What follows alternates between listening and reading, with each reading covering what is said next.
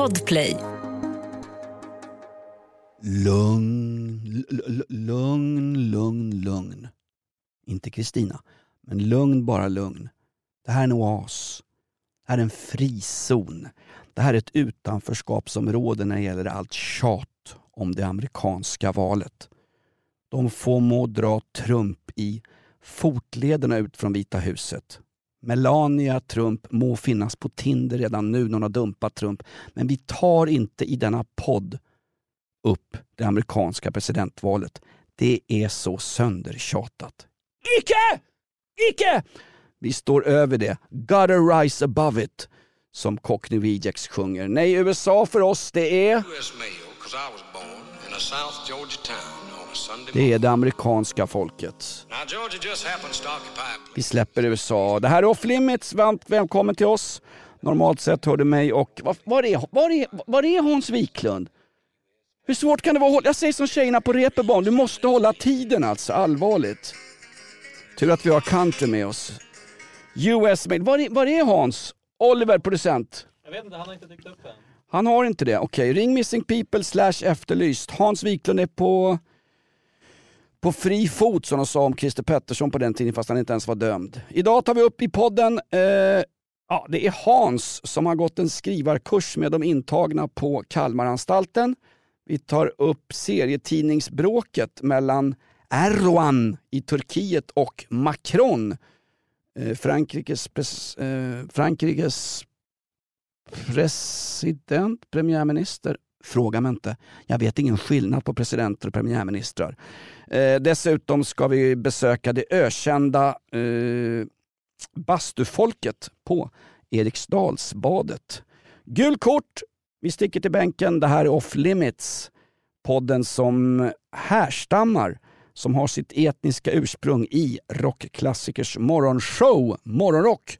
Lyssna på oss från 5.30 till 9 varje morgon. Det här är podden, det här är bättre, det här är roligare och framförallt det är till och med sämre betalt än en radioshow. Välkommen till Off Limits, tack för att du lyssnar. Nu kör vi! Mitt åra ohne Hans Hauptmann Wiklund!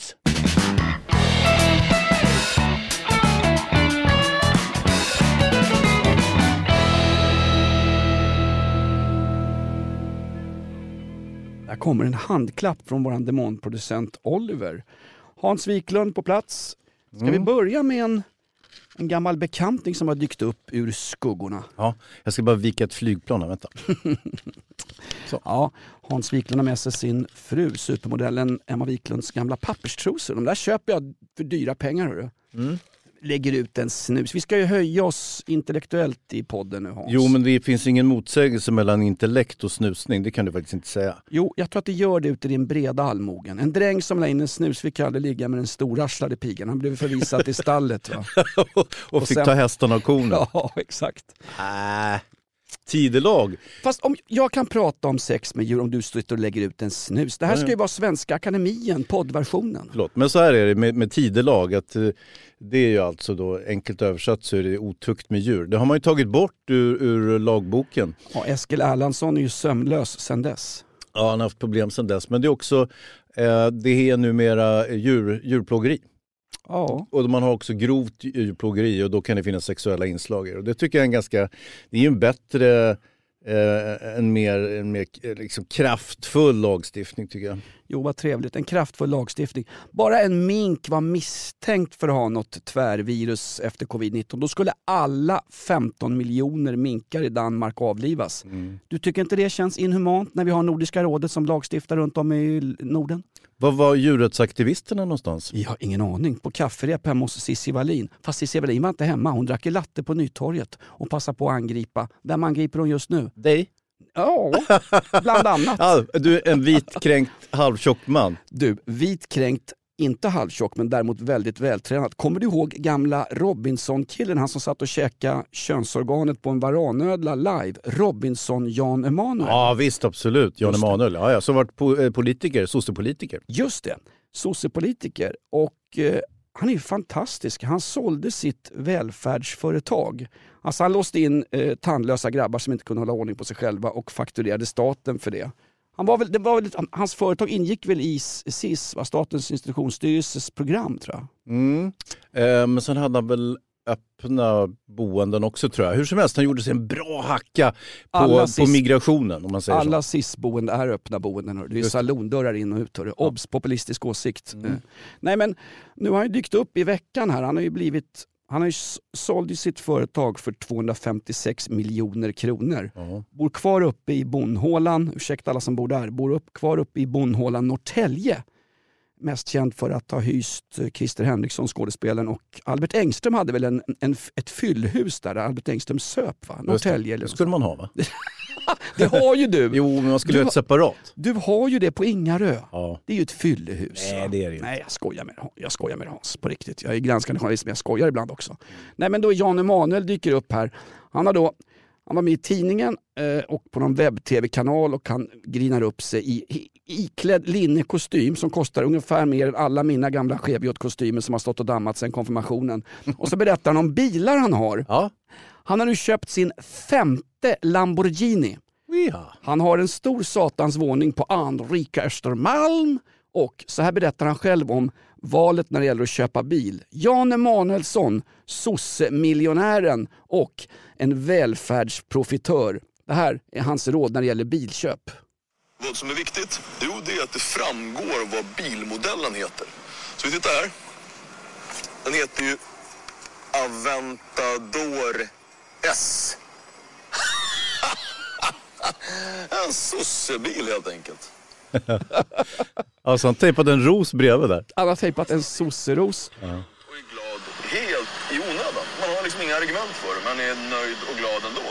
Man är nöjd och glad så fort man har en massa pengar. Alltså Jan Emanuelsson han, han personifierar ju den, den, inte den amerikanska drömmen, men någonstans den svenska drömmen. Vilken personlighet alltså. Ja, Har du sprungit på honom på krogen? För han lär ju hänga där en hel del va? eh, jag har sprungit på honom. Vi har gemensamma bekanta och eh, jag tror Säg att... inte att det är Dolph Lundgren och hans riddarrustning. Nej, nej, nej, det är andra bekanta. Och eh, sen tror jag hans grabb och min grabb är lika gamla. Är det sant? Okej. Han har ju eh, eh, han har ju lyckats med konststycket att så här, glida under radarn på något konstigt sätt. Alltså. Mm. Jag vet inte. Ja, alltså han kommer undan med att säga att han är socialdemokrat och han är ju på något vis det, men nödvändigtvis så röstar han inte på Socialdemokraterna och det vidgår han ju också. Att ibland har han kanske röstat på något annat parti, man undrar i vilket. Men när han säger sossebil, är det på skoj? Ja, Är det det? han är en liten, eh, jag ska inte säga att han är en skojare, men han har lite distans till sig själv och till socialdemokratin. Arbetarrörelsen. Exakt. Ungefär som både Stig Malm och Björn Rosengren hade. Ja, eller alla andra i sossarna. Alla andra också. Som- Men han låtsas inte Jan Emanuel, det tycker jag han ska ha en eloge för. Men vem är en riktig sosse idag? Är det bara Göran Greider som hänger kvar vid arbetarrörelsens ideal? Plus jag! Ja. Jag är också sån här klassisk allmogesosse. Ja. jag, alltså. Eh, Leif GW Persson är ju socialdemokrat också. Ja, det är. Och eh, det är han ju ganska mallig över. Han har alltid röstat på Socialdemokraterna tills någon jävel nosade upp en krönika som han hade skrivit för 12-14 år sedan. där han skrev att han röstar på Miljöpartiet. Gjorde han det? Ja, han ber om aldrig om ursäkt Leif, men han, jag tyckte han formulerade ett väldigt bra svar på den där krönikan. Han skrev någonting i stil med att minnet är en eh, lömsk följeslagare eller är en opolitlig följeslagare. Minnet kan vara din bästa vän men också din värsta fiende.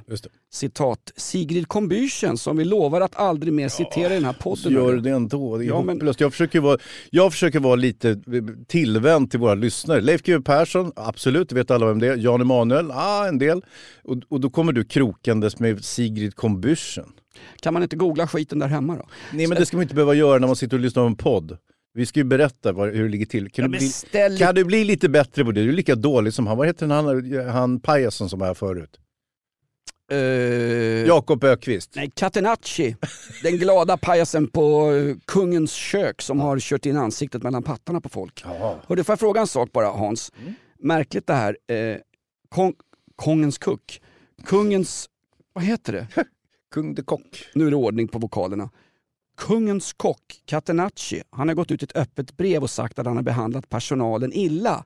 Det är någon slags efterdyningar nu runt... Eh, eh, och det gjorde ju Catenacci då när han blev uthängd på en stor tidnings löpsedel som en sexuell eh, predator i stort sett. Mhm. Och vad var den tidningen? Vilken tidning var det? Expesten. Det, det var, du sätter vi standarden direkt. Expressen var det. Det är ganska så roligt.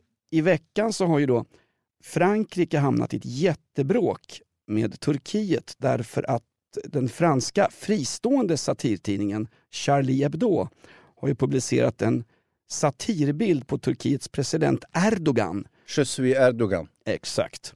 Och då är det så roligt.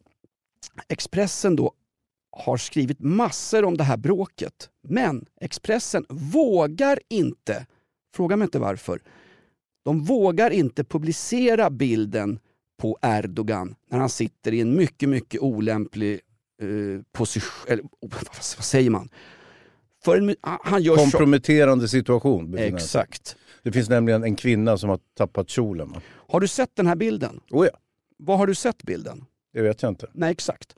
Därför det märkliga är att Expressen, liksom yttrandefrihet, bla bla bla, vi sparkar Thomas Mattsson för han ville bara tjäna pengar. De kan hänga ut Catenacci som inte är anmäld för någonting på en löpsedel och i stort sett förstöra. Jag, jag avgör inte, jag fäller ingen domstolsbila här. Jag säger bara, de hänger ut Catenacci på ett omslag, men de vågar inte publicera en satirisk bild från Charlie Hebdo på Turkiets president. Därför att det är för känsligt och det skulle då kränka eller misshaga människor som läser Expressen. Ja.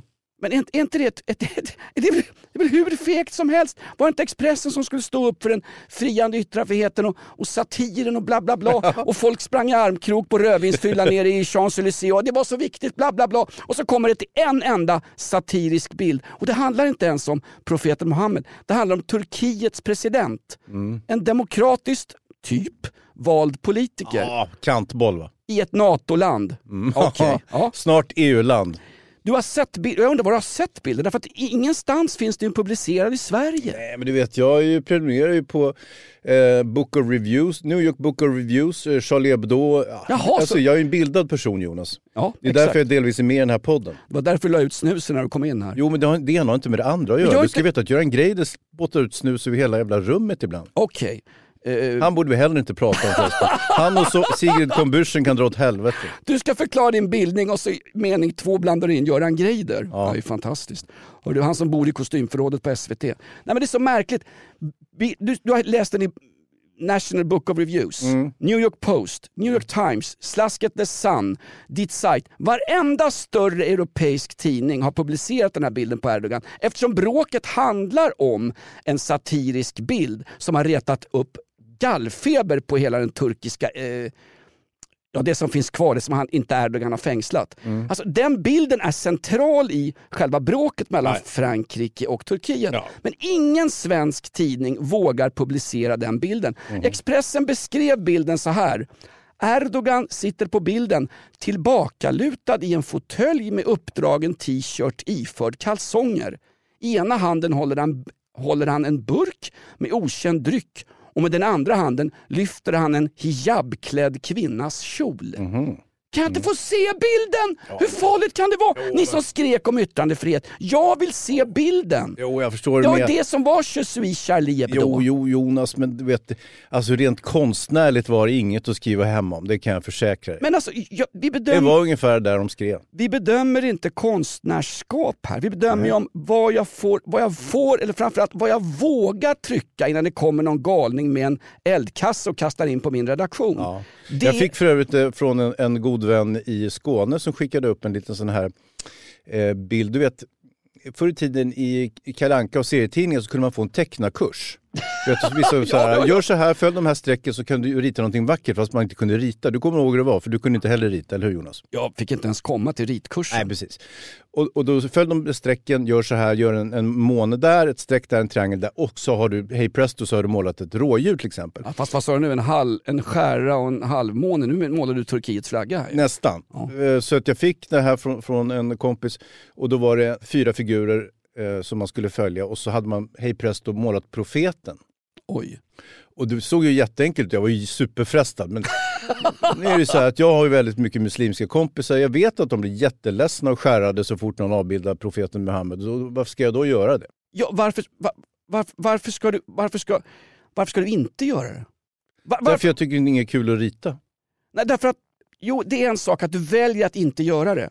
Men om det är en debatt i svensk media om en satirteckning över Turkiets president. Det är ganska så långt ifrån Ja, det- Lars Vilks rondellhundar och Ja. eh, profeten Mohammeds teckningar. Ja. Ganska så långt. DN skulle beskriva den här bilden. Det är också fantastiskt. DN vågar inte heller publicera den. Nej. Så här står det, eller vågade, eller rättare sagt, de tog beslutet att inte göra det. Det är ett publicistiskt beslut som jag både välkomnar och accepterar. Det är tidningen som bestämmer det. Men jag kan också ha en, som en allmogepajas i träskor jag är och snedgådda foppatofflor, ha en uppfattning om att det är förbannat satans jävla fegt. DN beskrev bilden så här. På bilden syns Turkiets president i kalsonger. Med en, Det är roligt.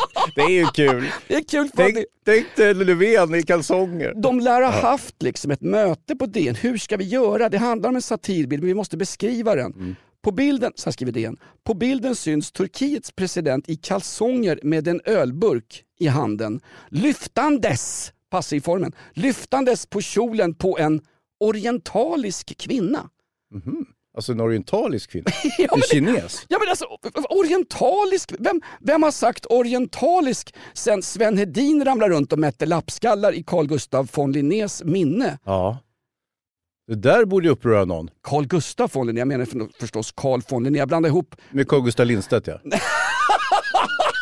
Det är lätt hänt. den vä- världens bästa han ligger på, på taket på Tegnérgatan och får en kula rätt i, Ja, rätt i bröstet. rätt i bröstkorgen. Rätt i polo tror Nej, jag. blandar ihop honom med, inte Carl Gustaf von Linné, Carl Gustaf von Bernadotte Ja, vars vad- kock har vad- kört in ansiktet med pattarna. Ja, vad...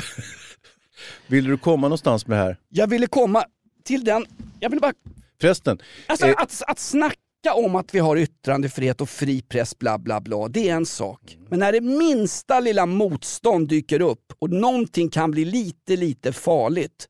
Då är det enklare att klaga på "Åh, jäkla amerikanare va, dömer den här monsterclownen tra, Trump va, han är ju inte klok alltså. Och så han, och så, det, det, för det är lätt att gå på. Kom igen nu, publicera en satirbild om det var Je suis Charlie Hebdo. ja, me too.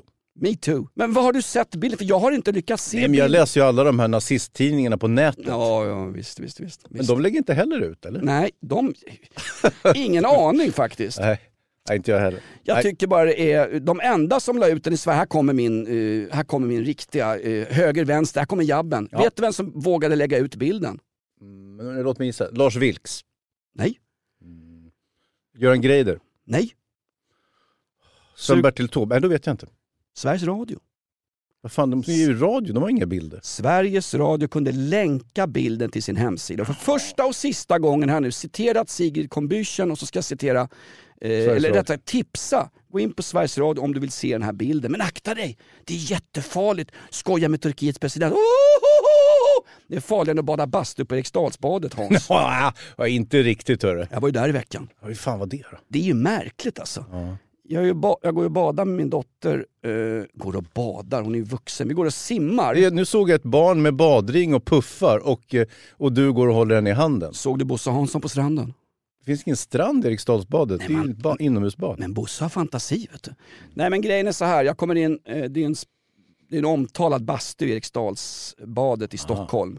Där kändisartister har onanerat och lite annat smått och gott. Så jag vill alltid gå in där, jag tycker det är Såklart. trevligt. Då kommer jag in dit, då sitter det en person där, det är en snubbe i ja, 55-årsåldern. Sitter där i badbyxor. Och så tänker jag så här, ah, vänta nu, gammal fin regel eh, i folkhemmet. Vi tar av oss badbyxorna i bastun. Va? Exakt. Så jag försöker säga till honom, hörru, Ta av dig byxorna Ta av dig till en vilt främmande karl. och han, ursäkta mig, jag fattar efter en stund, han talar ju för fan inte ett ord svenska. Nej. Så han tror att jag vill att han ska ta av sig brallorna för en slags penetration här. Ja, vet du. Göra en Jan Emanuel rätt upp i naturbageriet på honom. Så han går ut ur bastun Ja. och jag tänker jag sitter kvar där naken. Satan, snart kommer en vakt och säger att jag ofredat snubben. Han kunde inte svenska, han förstod inte att man tar av sig badbrallorna i bastun. Och jag satt där som en sån här, du vet, konstapelprincip. En man som heter Ove-figuren liksom. Det var, bara, det var bara att slänga upp tasken och bollarna på ag- bastuaggregatet och försöka få dit en ambulans. Ja. Brände det till? Det är klart det gjorde. Det fan, du ska prova bastun på Eriksdalsbadet. Va? Mm. Där har du ju, en gång såg jag en EU-migrant stå och, och skölja kläder i handfatet. Ja. Vad var det första jag tänkte? Hur fan kom han in? Det kostar ju 90 spänn att bara gå in. Det är ju Ja. det är ju tusen burkar att samla ihop. Men det beror på, han kanske hade stannat länge. Han kanske bodde där. Ja. Det vet du faktiskt inte. Så att eh, 90 spänn för en vecka inne på ett varmt och skönt bad är inte det sämsta. Det är faktiskt bra. Det här är ett betalt samarbete med Villa Fönster. Du behöver lite mer tryck nu Jonas. Tryck! Villa Fönstersnack med Linnea Bali. Villa, villa, fönster, fönster, fönster med Bali, Bali, Bali. Jonas, nu tänker jag lära dig lite om Villa Fönster. Lär mig baby. Villa Fönster är en rikstäckande leverantör av fönster och dörrar till dig som konsument och byggföretag. Och vet du vad Jonas? Vadå? Jag har en spaning. Ja. Det som gör dem så unika är att de har Sveriges bästa leveranstid. Ja, det går undan har jag hört va? Ja, det gör det. För man tänker kanske som konsument här, åh nej, det här kommer ta så lång tid. Men inom tre veckor alltså så har du ett svenskt nyproducerat fönster som är redo för omgående avhämtning eller leverans. Oj, oj, oj, inom tre veckor.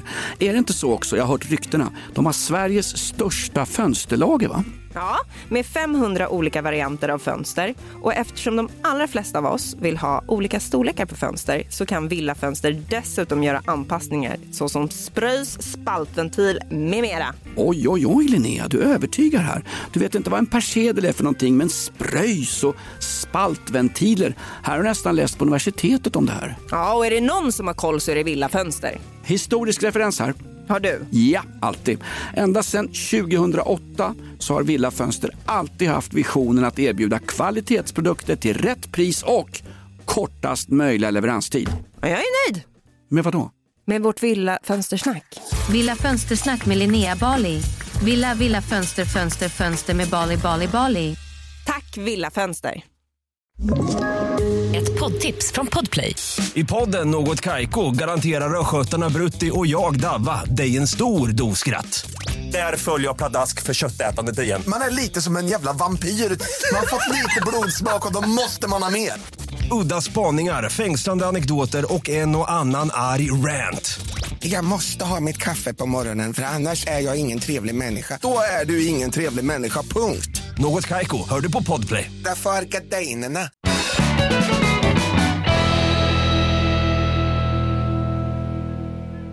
Kan du tänka dig att de har haft skrivarkurs på Mariefredsanstalten? Oj, Ja, de intagna ska lära sig skriva. det är en lätt kåk det va? Det är väl inga grövre som sitter där? Det sitter Inga- alla möjliga där. Det är en så kallad, jo, det, det sitter lite tunga där, där ute också. Det är sådana som ska slussas ut så småningom i samhället. eh, och sen hade man några exempel, jag lyssnade på ett inslag, då hade man några exempel med interner då som kunde skriva på svenska, det var ett fåtal kan jag säga då. Och så kan jag ju säga att de, eh, som kriminellas litterära förmåga är ju väldigt, väldigt dålig. Till och med sämre än genomsnittliga polisers. Då är det riktigt illa. hörru. Ja, för att om man har läst förundersökningar och polisrapporter och så vidare så är de ju väl, precis snäppet över, över lågstadienivå i, i, liksom skrivteknik. Vissa gängkriminella sätter väl ett bomärke och ett klanmärke istället för sitt eget namn på förundersökningsprotokoll va? Ja. Okej, vilka är det som kan gå på den här skrivkursen då? Vi, man får ta bort de 30% utländska medborgare som sitter på våra fängelser då. Varför får inte de gå? Vad de, de kan ju inte skriva svenska. Det finns många författare i Sverige som inte kan skriva heller. Jo, men det är det jag säger. Visst, tänker absolut. närmast på men, Camilla men det, Läckberg. det är närmast, de måste ju börja med att lära sig svenska om de ska skriva. Kan de väl skriva på sina språk, men det är så svårt för läraren att undervisa. Det här är ju någon vanlig klantskalle, någon sån här misslyckad författare med bidrag. Som, åker, som åker till Mariefred och undervisar henne. Han kan ju inte skriva på arabiska, det föreställer det, det, det, det lät inte hans namn som att han kunde göra. Eh, Så att Afrika, Mellanöstern, Asien då, troligtvis de går bort. Så, Orientaliska skriftspråk. Orientaliska. Hur som helst, visst det är, väl- liksom godhjärtat, det är väl bra tänkt det här med att intagna ska lära sig skriva och kanske då kunna formulera sina tankar om varför det har gått snett i livet och att de har gjort misstag och hit och dit. Det, det är väl inget fel med det så att säga. I ren terapisyfte? Ja, jag hoppas verkligen det. Men alltså, äntligen ändå så nivån är för dålig. Det är liksom sämre än Lars Kepler, förstår du? Okej, är det så illa? Ja, det är som... Och, Det är så här, eh, kommateringen blir fel. Nej men allt är fel och det är som Leif GW Persson säger, du kommer aldrig hitta några betydande centralyrker inom polisen. Och det är ju liksom från, från Hans Holmér och, och neråt. Och, och bland kriminella är det ungefär lika illa ställt. Sen undrar jag vad de här skrivarkurserna kostar då, även om det, är- det är ju hedervärt så att säga. Jag gissar att du har tagit reda på det. Eh, nej, Inte. det var omöjligt. Eh, men helt gratis är det ju då inte eftersom den här bidragsberoende halvförfattaren ändå ska ha, ha betalt. Dessutom någon form av risktillägg och umgås med liksom mördare och andra. Eh, men, men idén är ju något på vis att pennan skulle vara mäktigare än svärdet. Därför är det viktigt att lära sig skriva. Intressant. Eller teckna, Je suis Eller Charlie teckna. Hebdo. Precis. Ja. Men jag undrar om det verkligen stämmer, för jag tror att pennan är möjligtvis mäktigare än svärdet. Men om du jämför till exempel pennan med en Kalashnikov. En Kalashnikov kan du smälla av 600 skott i minuten på om du lägger till ett trummagasin. Är det sant? Ja, då tror jag inte pennan har så himla mycket att att- att liksom ställa tillbaka med. Vänta, 600 skott i, I minuten. minuten. Det är alltså 10 skott per sekund. Ja, automateld. Oj, oj, oj. Mm. Det är, alltså, har du sagt det här till klansamhället i Angered? Alltså? Sånt där ska vi ha vid vägspärrarna. Jo men det är det de har Jonas. Det är därför jag säger att det verkar helt meningslöst att sitta och skriva liksom dikter då. Ja men alltså någonstans, ja jag vet inte. Nåja, eh, jag blev så liksom uppjagad över det här så jag började läsa lite olika rapporter från BRÅ. Känner du till BRÅ Jonas? Brå, där, ja, Brottsförebyggande rådet? Eh, Nej. Nej. bara regimens åsikter står Brå för. Just det. Mm. De har fått mycket skit Brå, men jag välkomnar ändå en, en statlig instans som försöker förhindra brottslighetens utveckling och ha någon slags, även om inte polisen har tid med det så är det bra att en statlig institution då helt objektiv, fritt från en socialdemokratisk regeringsbildning försöker åtminstone peka på var bör vi sätta in insatser och var bör vi, var bör vi inte sätta in insatser. Bra talat Jonas. Tack. BRÅ har aldrig lyckats förebygga ett enda brott överhuvudtaget. Noll. Sitch. Ingenting. Och jag förstår varför, för jag läste de här, jag läste ett par olika eh, brott. Dels är de väldigt gamla, de jobbar inte supersnabbt. Det är liksom de moderna är mellan från 2013 till 2014. Även de som jobbar på Brå är gamla. Va? Sarnek är väl 70 plus? Han orkar inte ens släppa sig iväg till en tv-studio och komma in från Persson vänster. är ju liksom rena jävla gymnasten i jämfört med honom. Plura är en hälsokostmänniska jämfört med många forskare inom Brå. Precis. Nu läste jag en rapport här som handlade om liksom, eh, våldets effekter och kostnader på samhället. För det var ju lite det jag började med. Från vilket år är den här rapporten? Ja, alltså någonstans, ett- de verkar ha börjat 2007 och sen eh, tröttnat vid 2013. Förstår du? Så att, i- den är ju helt irrelevant. Men icke desto mindre så var jag tvungen att läsa den. Eh, vänta nu. Vad hände? Tappar du snusen igen? Nej, nej, nej, för helvete. Man kommer, man kommer inte fram till någonting i de här rapporterna. Det, var, det är för svårt att räkna, eh, beskriver de sida upp och se- sida ner. Men är det inte din inte- intellektuella kapacitet som inte kan tolka Jag siffrorna? tror faktiskt inte det, för Okej. jag är ju liksom akademiker också och forskat. Vad man gör det är i alla fall att man ställer sig på brottsoffrets sida. Och det, det tycker jag är, är väsentligt. Eh, och så eh, sjukhuskostnader, skadestånd, utebliven lön. För många brottsoffer arbetar ju till skillnad från de som begår brotten till exempel. och ehm, ska vi se här. Just det. Och det uppgick till ungefär någonstans 100 000 per person kostar ett brottsoffer. Lite beroende på hur svårt skadad och invalidiserad man blir. Men, men tänk att man nästan dör, då får man 12 500 ungefär. Så där, där har du liksom... Exakt. Är det inte ett stort försäkringsbolag eh, som börjar på Folk och slutar på Sam som har ett överfalls, en överfallsfond? Bara du blir påhoppad på stan så får du 8000 spänn om du är kund hos Folksam. Ja. Ta det som ett tips. Jag har en polare som fick 8000, fick en lätt lavett efter en AIK-match. Ja. Det var ju bra pengar. Det är det ju. Men som sagt, det stannar där. Så att Nej, men- om du får liksom en kniv i ansiktet så får du fortfarande 8000. Skitsamma. Nu visar det sig då att tungt kriminella kostar då, så vi lägger till de här kostnaderna, 100 000 för brottsoffret och sen så lägger man till 1,7 miljoner per person och år. Bland de, det är vad de tungt kriminella kostar. okej? Men vänta, är de in, tungkriminella som är inlåsta eller på fri fot? Eh, De är inlåsta. Här räknar, här, du kommer att okej. märka när jag räknar upp vad det är som kostar. Det är trerättersmiddagen på Hinseberg och annat. Ja, så kostnaden för brottsoffret, eh, skrivkursen och allt det där. Eh, men sen Den kost- orientaliska Ja, skrivkursen. precis. Sen tillkommer då kostnader för polisinsatsen förstås, förundersökningen, advokatkostnader, domstolskostnader, eh, åtgärder från socialtjänsten, LVU och hit och dit och prata med farbror Barbro och få terapi och allt det där. Får jag slänga in en politisk brandfackla precis här? Varsågod. Kostnader för tolk. Just det, den, ja, precis. Den ingår i fängelse. Ja, den kommer redan på advokatkostnader så den kommer följa med. Jag säger som Christer. Pettersson, tolkar i arslet advokatjävel. Klassiskt. Ja. Sen så ska ju den här personen som sitter inne ändå ha försörjningsbidrag, hyresbidrag, sjuk, eh, sjukvårdskostnader, kostnader för kanske anhöriga som har kommit hit under fängelsetiden. Ja, hur som helst. Ehm, Fast sen, du, du, du blir väl av med din bostad när du åker in på kåken va? Nej, det finns ingen automatik i det så länge du kan betala för den. Det kan du göra om du har försörjningsstöd. Ja, du då- blir ju inte av med försörjningsstödet bara för att du råkar sitta i fängelse. Någon jävla rättvisa ska väl finnas. Sen ska personen då hjälpas tillbaka, och det här är väl den tunga posten, eh, hjälpas tillbaka till samhället igen. Fast normalt så har de tunga brottslingar ingen som helst önskan att medverka i det svenska samhällsbygget. Nej men vänta nu, alltså, uh, okej. Det kan de väl ha? Va? Det kan väl vara så att de inte har haft någon annan möjlighet till försörjning än kriminalitet. Det Ja. skriver väl redan Charles Dickens om, att Men min absolut. enda försörjningsmöjlighet var att stjäla bröd från marknaden i, i hans fall, Shoreditch i östra London. Det stämmer Jonas. På den tiden eh, så var inte bidragssystemen lika väl utvecklade som de är idag. Nej, jag kan säga. Nej. Så att man kan alltså komplettera sin brottsliga verksamhet med bidrag, förstår du? Då, Okej. då maxar man ju intäkterna för sig själv. Eller bidrag säger du lite slarvigt, men jag som populist säger stöd. Stöd, ja. Stöd. Okej, vi kan Stöd. stöd. Så i runda slängar 1,7 miljoner per gubbe då, som eh, har gått igenom hela systemet och sitter på kåken med få möjligheter att rehabiliteras eftersom det inte finns någon vård att tala om. Men har vi inte en högre eh, an, alltså, återfallsprocenten i Sverige är ändå, nu sitter jag och försvarar re- regimen här, Ja. återfallsprocenten i Sverige är väl lägre än i andra motsvarande OECD-länder va? Har vi ingen BRÅ-rapport på det här från Nej, 1976? de har inte hunnit med den här, vet du. Nej, kommer.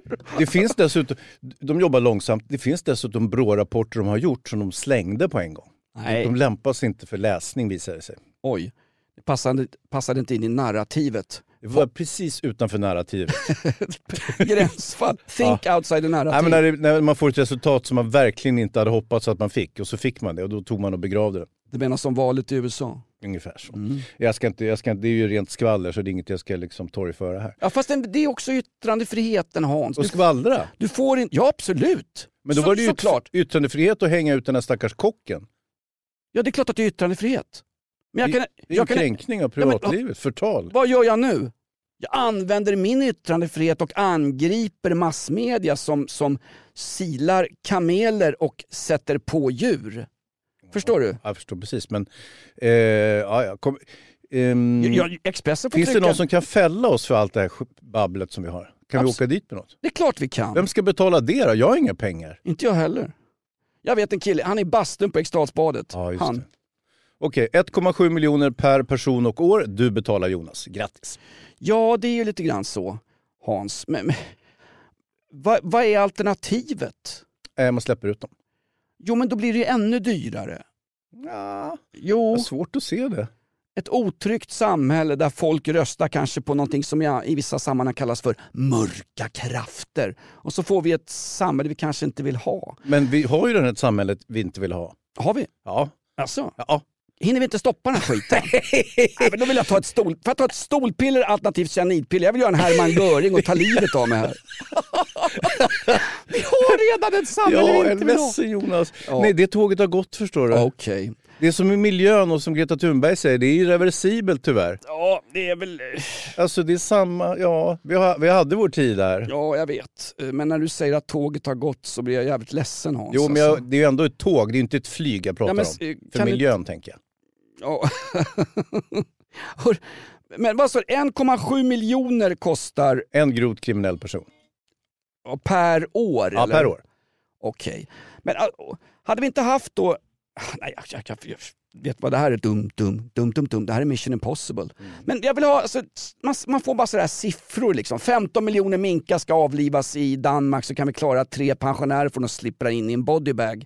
Alltså, du måste sätta den här typen av siffror, sätta dem i relation. Mm. Alltså, jag säger ju att det finns ett mellanläge mellan hårdare straff där man tar folk bort från gatan som inte kan ställa till med Ännu saker. dyrare. Är det? Det absolut men- dyraste posten, det är ju själva förvaringen. Det är ju inkapaciteringen, det så kallade straffet när de sitter på fängelse. Är det därför de vill ha liksom gängkriminella som har gripits med tunga vapen med fotboja? Man vill ju utveckla fotbojesystemet. Det har ju inte att göra med att det ska vara humant och återanpassningsvänligt. Det har att göra med att det är så satans dyrt att ha folk sittande på kåkar. Ja, ja visst, visst. Det är bara Och- onanin som är gratis. Och det är dessutom, och det här är ingen siffra som jag har hittat på, jag hittar ju på en del, det gör jag, jag ska inte ljuga för er. Men 30% av de som sitter på anstalt i Sverige är, alltså utländska medborgare som egentligen inte skulle vara här överhuvudtaget. Just Då kan man förstå att det blir lite extra trångt, inte sant? Fast utländska medborgare får ju per definition vara här. Säg att det är EU-medborgare. Vi har ju, vi har ju, vi har ju fritt resande åtminstone inom Schengenländerna. Innan, alltså innan, innan kine, fladdermuspesten från Kina drabbade oss. Någon satan i Kina satt ju där och läste Chiang Kai-sheks romaner och drack fladdermussoppa. Det var ju bra gjort. Ja, men, ja, det är sånt som händer vet du. Ja, jag vet. Men när du säger att tåget har gått Hans, då känns det ju... eh, Antarktis smälter ju. ja. Alltså även i metaforisk mening. Ja, exakt. Du, på tal om att smälta. Kommer du ihåg när du trackade mig i somras? Jag hade ju Ja. badat i sjön Trekanten. Ja, Kommer du ihåg det? ja, och jag tänkte så här, fan, var, var, är du självlysande Jonas? Du Nej, men du börjar ju så gnistrar om det. du börjar tracka mig om min, min hemort och min, min ort Ja. eh, där jag bor. Asp- Ska får jag snabbt berätta för Ja. lyssnarna var, Ja, var det var en- det Aspudden var- ligger? var en radioskank där, eller hur? Ja. Eh, Aspudden det är ett så kallat utsatt område. Fan inte. Det är ett avsatt område. Ett påsatt område. ja, det är. Nej men Aspudden är bostadsrättsvänster liksom. Folk som har röstat för, eh, ja Fi och Miljöpartiet. exakt. Och nu upptäcker de att ungarna tyvärr blir rånade på skolgården. Fan vad jobbigt alltså. Vi som hade köpt en Canada Goose-jacka för våra pengar, nu blev sonen av med den. Det är tre barn och ungdomsrån per dygn i Stockholms län. Ja. Ah, Men, har tåget gått hörru? ja, när, eh, polisen sa ju så här, det var en specifik polis som uttalade sig. Han sa ju att, Är det Häggström? nej inte, inte Simon Häggström, boyscouten. Han som har hand om eh, prostitutionsgruppen som numera är traffickinggruppen. Catenacci? Inte Catenacci. Hur som helst.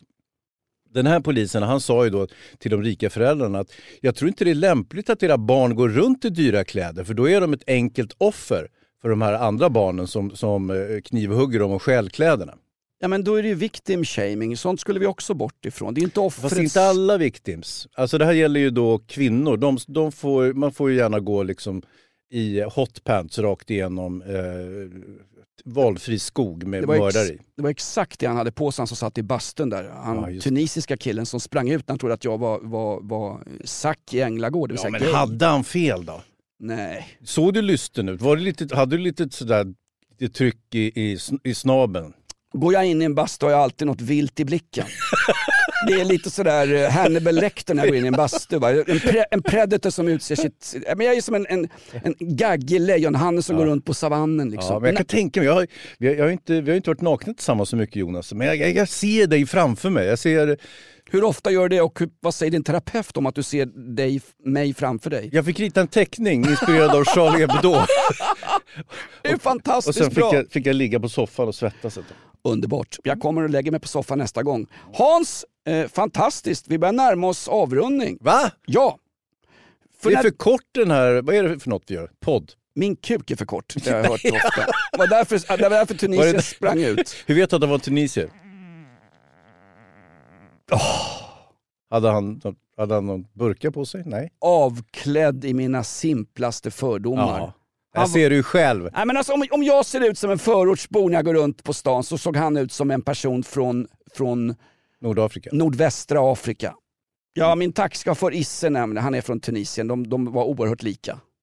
Ja, men du, du kan inte säga att alla från Tunisien ser likadana ut. Cissi Wallin säger att alla svenska män är likadana. Och alla Ja, men det stämmer ju. Ja, men det, men det, vi ser väl inte likadana ut, vi har bara skapat en patriarkal struktur. Ja, och sen kanske där hon bor så ser ju faktiskt alla karlar likadana ut. Hon bor väl på Söder i Stockholm va? Var det inte någon hipster på Söder i stickad mössa, kamouflagejacka och ring i örat och stort sånt där skägg som du har Hans. Mm. Han blev förbannad för att han var på bild i tidningen när han gjorde ett reportage om hipsters. Att alla hipsters på Söder ser ut så här. Då sa han så här, jag har inte godkänt att jag ska vara med i tidningen. Det här är, är, förtal mot mig. Visade sig, det var ju inte han på bilden, det var en annan snubbe som såg exakt ut som den hipstern. Je suis Söder! Je suis hipster. Nej, men när du sa att tåget har gått Hans, då blev jag lite, då blev jag lite sådär ledsen i ögat och så tänkte jag, vi har fått eh, sponsorer nu. Det är, Va?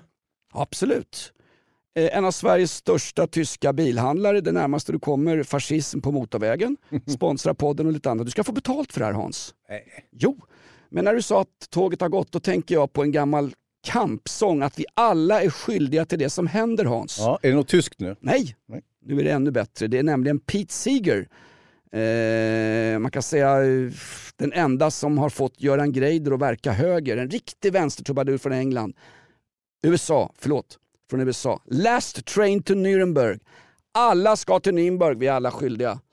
Det här var Off Limits, tack för att du står ut. Sprid podden. Tack Hans Wiklund.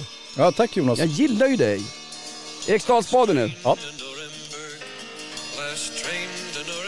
Jag badar alltid med badbyxor förresten. Vi ska inte bada Hans. Lieutenant Calais? Do I see Captain Medina? Do I see General Coster and all his... Last train to Nürnberg. Glöm inte, vi är alla skyldiga. Och stort tack för att du lyssnar på podden Off Limits. Hans, här har du min covid-smittade hand. Jag är mig i riskgrupp. Jag når inte dit med tungan. Ett poddtips från Podplay. I fallen jag aldrig glömmer djupdyker Hasse Aro i arbetet bakom några av Sveriges mest uppseendeväckande brottsutredningar. Går vi in med hemlig telefonavlyssning och, och då upplever vi att vi får en total förändring av hans beteende. Vad är det som händer nu? Vem är det som läcker? Och så säger han att jag är kriminell, jag har varit kriminell i hela mitt liv men att mörda ett barn, där går min gräns. Nya säsongen av Fallen jag aldrig glömmer på Podplay.